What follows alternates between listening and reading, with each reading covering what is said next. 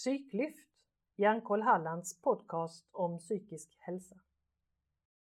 Finns det några undersökningar som har visat eh, ifall det finns faktorer som gör att vissa har det som krävs för att komma ut i arbete och studier och, och andra har en risk att eh, kanske känna att nej, det här, det här går inte nu, det här funkar inte för mig. Finns det no någonting där som man har sett att... Eh... Tänker du utifrån diagnoser att, att om man har en eh, autismdiagnos så har man svårare i jämförelse? Är det så du tänker? Eller? Ja, jag förstår ja, kanske inte.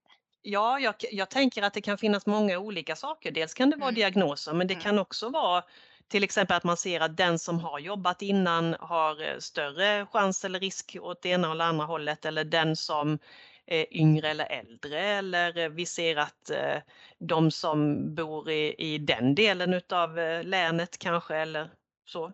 Finns det någonting där man ser liksom något prognostiskt så? Nej, vi gör inte det. Vi har försökt titta utifrån till exempel diagnoser eller ålder eller så. Eh, nej, vi gör inte det, utan det vi ser är framgångsfaktorer. Det att insatsen kommer i rätt tid. Mm. Oavsett var man bor eller vilken diagnos.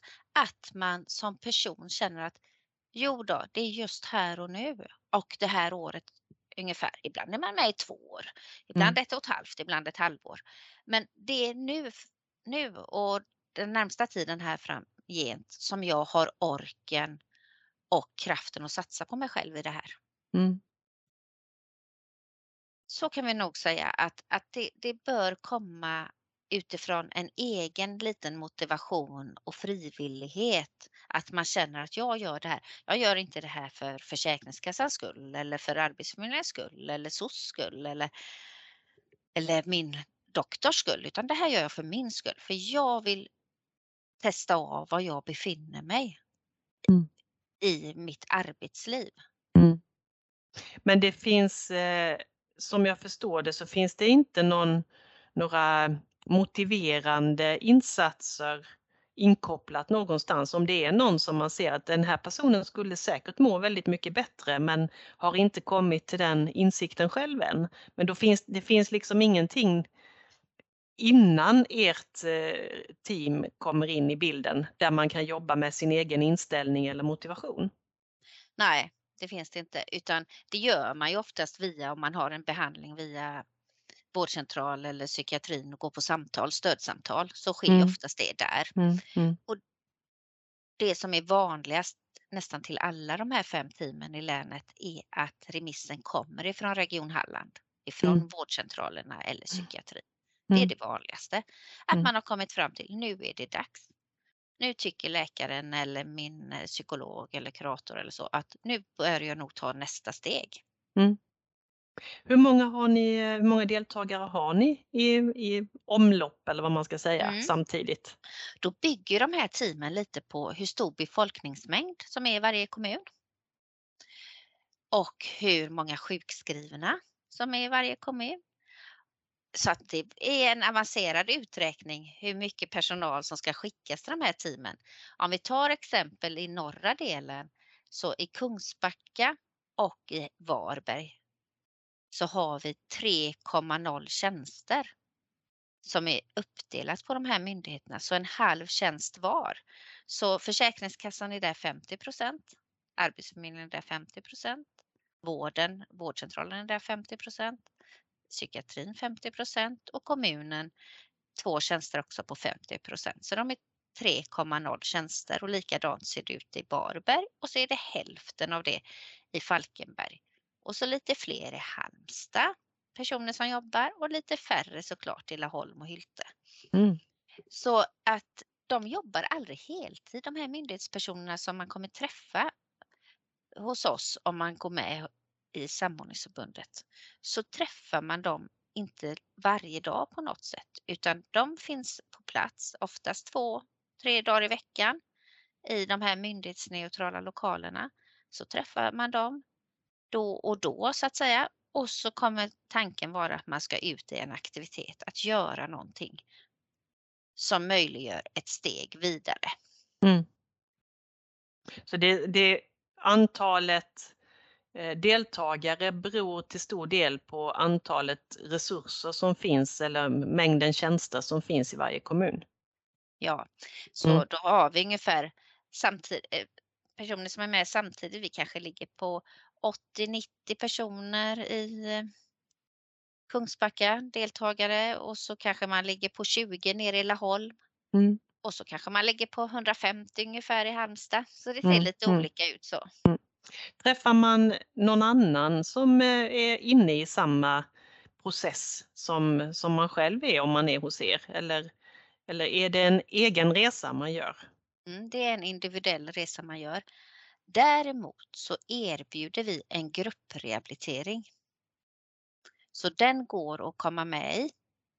Och den finns på tre ställen. Den finns i Kungsbacka och den finns i Varberg och den finns i Halmstad. Och den grupprehabiliteringen är tre tillfällen i veckan à tre timmar. Mm. Och det man får under de här nio timmarna i veckan, det är att man bygger hälsa. Det kan vara att man tränar kostnadsfritt på ett gym.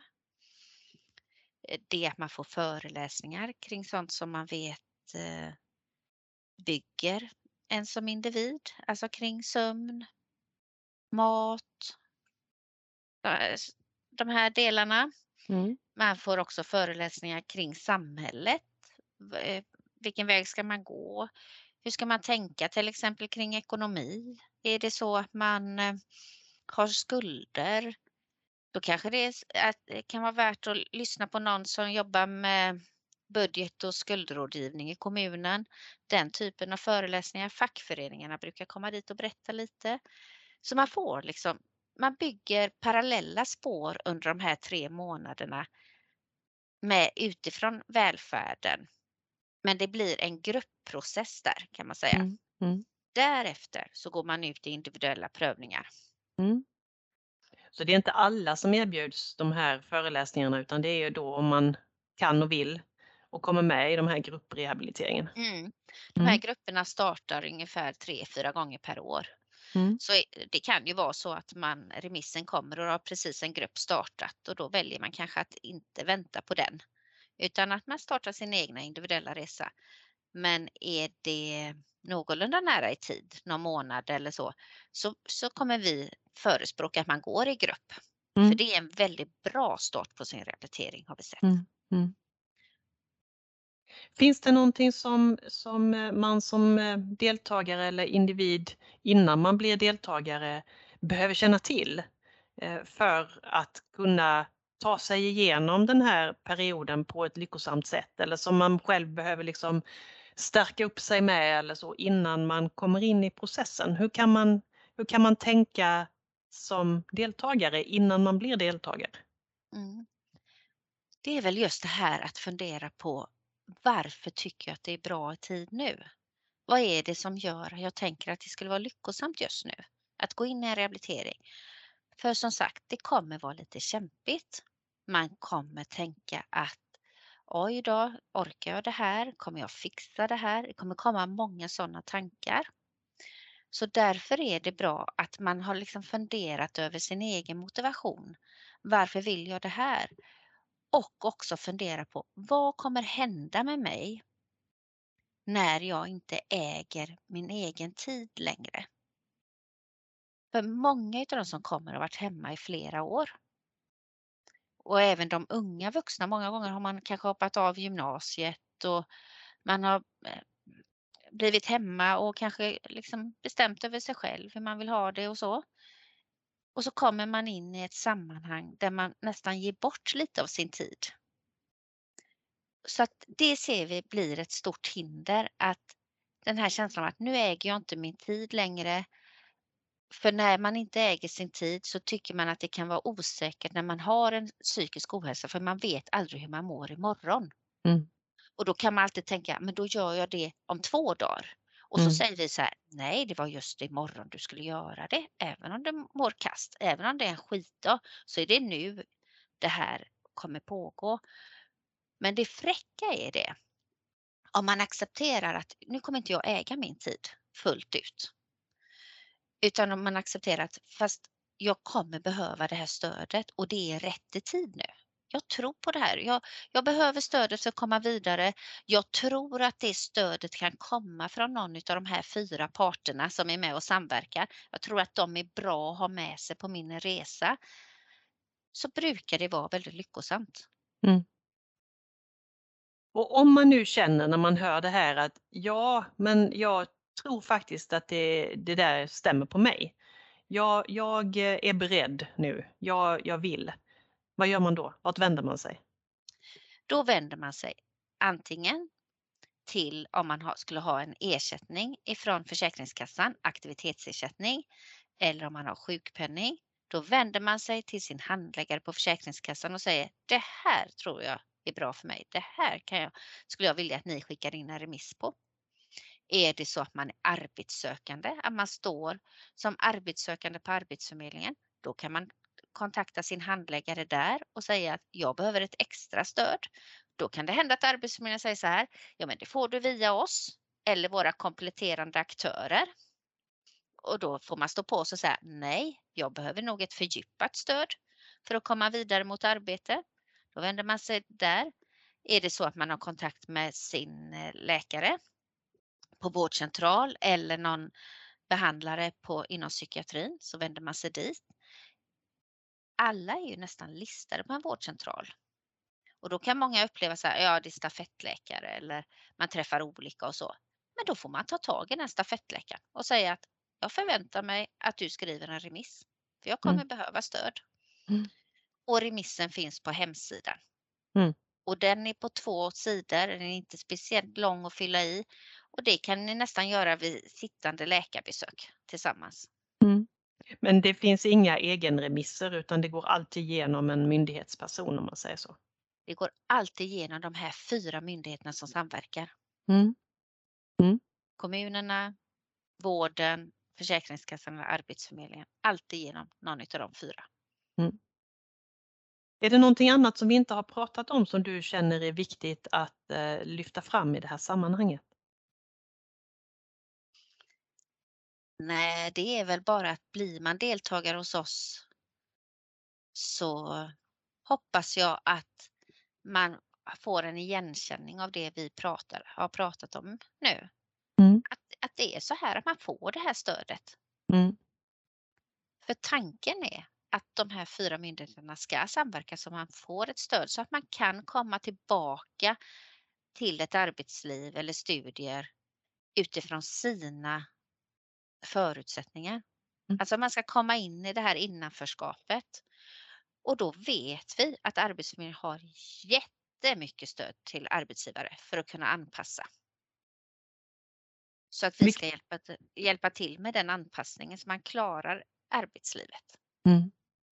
Och, och, då fick jag ju en fråga till också. När, vi har ju egentligen vi har pratat mycket om stöd, Eh, fast vi har inte beskrivit så mycket konkret vad det stödet skulle kunna vara. Och nu nämnde du också anpassning och att Arbetsförmedlingen har eh, möjligheter eller verktyg att kunna stötta arbetsgivare i anpassning. Eh, och jag tänker också, vill du berätta någonting mer om dels vad den här anpassningen skulle kunna bestå i, men också kanske ge något konkret exempel om det går på vilken typ av stöd som man kan få när man är deltagare här. Mm. Om man börjar med stödet kring att hitta arbetsmiljö eller arbetsuppgifter som vi hjälper till med, så är det ju att hjälpa till att liksom lära känna sig själv utifrån det här. Så skulle man säga som jag sa berättade tidigare om djur och natur är vanligt. Om någon skulle säga så här, jag vill jobba med djur. Då måste vi titta på det. Menar man ett stall, jobba med hästar, vad gör man då? Ja, det mesta är att mocka i ett stall. Det är det man gör. Är det det man tänker då när man vill jobba med hästar? Att man ska mm. mocka? Det är ett tungt fysiskt arbete. Det är alltid kallt. Och så är det så man tänker. Eller om man säger att jag vill jobba med hundar. Ja, då ska du vara på ett hunddagis. Det man gör det är att promenera. Alltså så är du ute och går oftast. Det är det du gör. Det är mm. inte så att man sitter med hundar. Eller vill du jobba i en zooaffär? Ja, då kommer du inte jobba med djur utan då kommer man sälja hundmat. Mm. Det är det man lägger upp på hyllorna. det är det första, att liksom se till att okej, okay, vilken bild har jag av de här arbetsuppgifterna och den här arbetsmiljön? Mm. Och det stödet ska vi hjälpa till. Vad tror du du funkar? Funkar du i stora arbetsgrupper? Funkar du i små arbetsgrupper?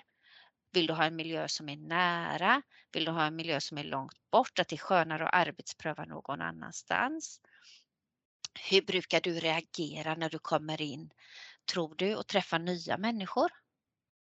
För då är vi ett telefonsamtal bort när man och oftast då får den här ångesttriggersen. Att oj, mm. oj, vad jobbigt det var. Vad skulle jag prata om? Åh, det här känns inte bra. De, de, de verkar inte gilla mig. Åh, den här chefen känns så och så. Då är vi ett telefonsamtal bort för att stödja. Kanske till och med kommer ut till arbetsplatsen igen och liksom, hmm, hur gick det här? För all, alla typer av arbetsträningar börjar nästan med ett studiebesök. Mm. Där man också anpassar och pratar om hur ska vi tänka här? Och då kan man gå tillbaka till det studiebesöket. Men vi sa ju så här. Vad är mm. det som vi har frångått här? Det är det stödet som sker i arbetsträning. Mm. Sen är det ju så att vi ser att vissa arbetsträningar löper ut i anställningar. Mm. Då är de anställningarna kan man säga redan anpassade. För då har man varit och arbetsprövat där. Så om man är på ICA Maxi och arbetsprövar så kan det vara så att man har bestämt sig för att jag vill stå bland konserverna. Och då har man gjort det och så har man tränat upp sig i arbetstid så kanske man är uppe i 20 timmar i veckan.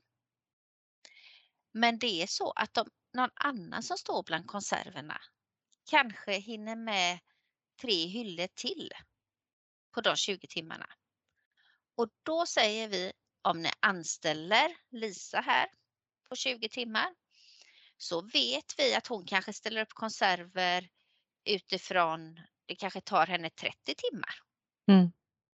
Men då går Arbetsförmedlingen in i form av ett bidrag, ett lönebidrag, kanske ni har hört talas om. Mm.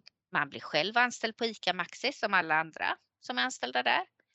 Men Arbetsförmedlingen, staten, ger ICA Maxi ett lönebidrag så att de fortsatt kan anpassa de här arbetsuppgifterna.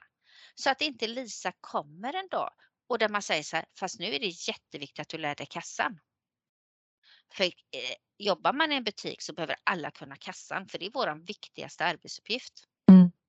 Då kan man säga nej, Lisas arbetsuppgifter är anpassade för att stå och plocka de här konserverna kring de här två eh, gångarna. Mm. Så då kan vi bibehålla de anpassningarna för att Arbetsförmedlingen ger arbetsgivarna ett lönebidrag. Mm. Ja, men det var jättebra konkreta exempel. Jag tror det är lättare att förstå eh, vilken, vilken typ av hjälp man kan få och att man inte behöver vara så orolig för att ja, men hjälp, där vågar jag inte jobba för det vet jag ju att då får man göra det här och det kan inte jag. Då behöver man inte vara så orolig för det heller utan det finns möjligheter att få stöd och hjälp även när det gäller anpassningen på arbetsplatsen. Absolut. Så mm. vår tanke är ju att när man slutar sin arbetsträning eller praktik som många säger på fredagen och om man går in i en anställning på måndagen så ska det vara samma arbetsuppgifter som när man arbetstränade fast nu mm. är man anställd. Just. Så de ska vara anpassade och klara. Det ska inte hända några överraskningar i det. Nej, då blir övergången också lite smidigare, tänker jag. Ja. ja. Mm. Mm.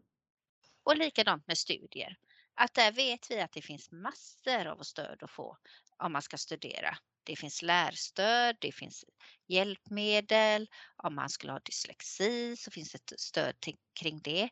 Och allt det hjälper vi oftast till och försöker ordna innan man går in i studier så att man mm. inte går in i ett misslyckande.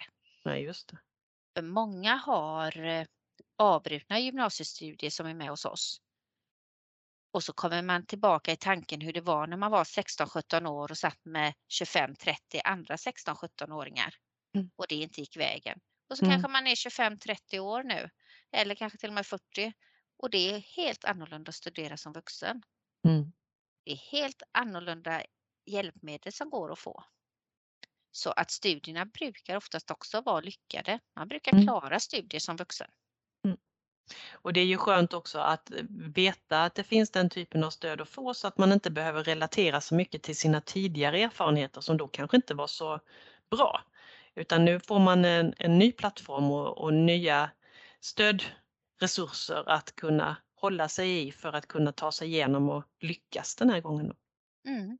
Mm. Tanken är att man ska fundera utifrån sin arbetslinje som vi säger är då i Sverige. Där har man ju bestämt att människor lönearbetar mellan 16 till, nu höjde man hörde jag, till 66 år Mm. innan man går i pension. Sen går ju väldigt många gymnasiet i Sverige så man går ut när man är 19. Men eh, om man är då 35-40 år så får man titta, får man nästan göra en linje kanske och så skriva att jag är 40 år. Hur många år har jag kvar? Oj, jag har 26 år kvar av min arbetslinje. Kan, är det värt att lägga något år på rehabilitering? Ja, men jag lägger ett år här. Då har jag fortfarande 25 år kvar. Mm.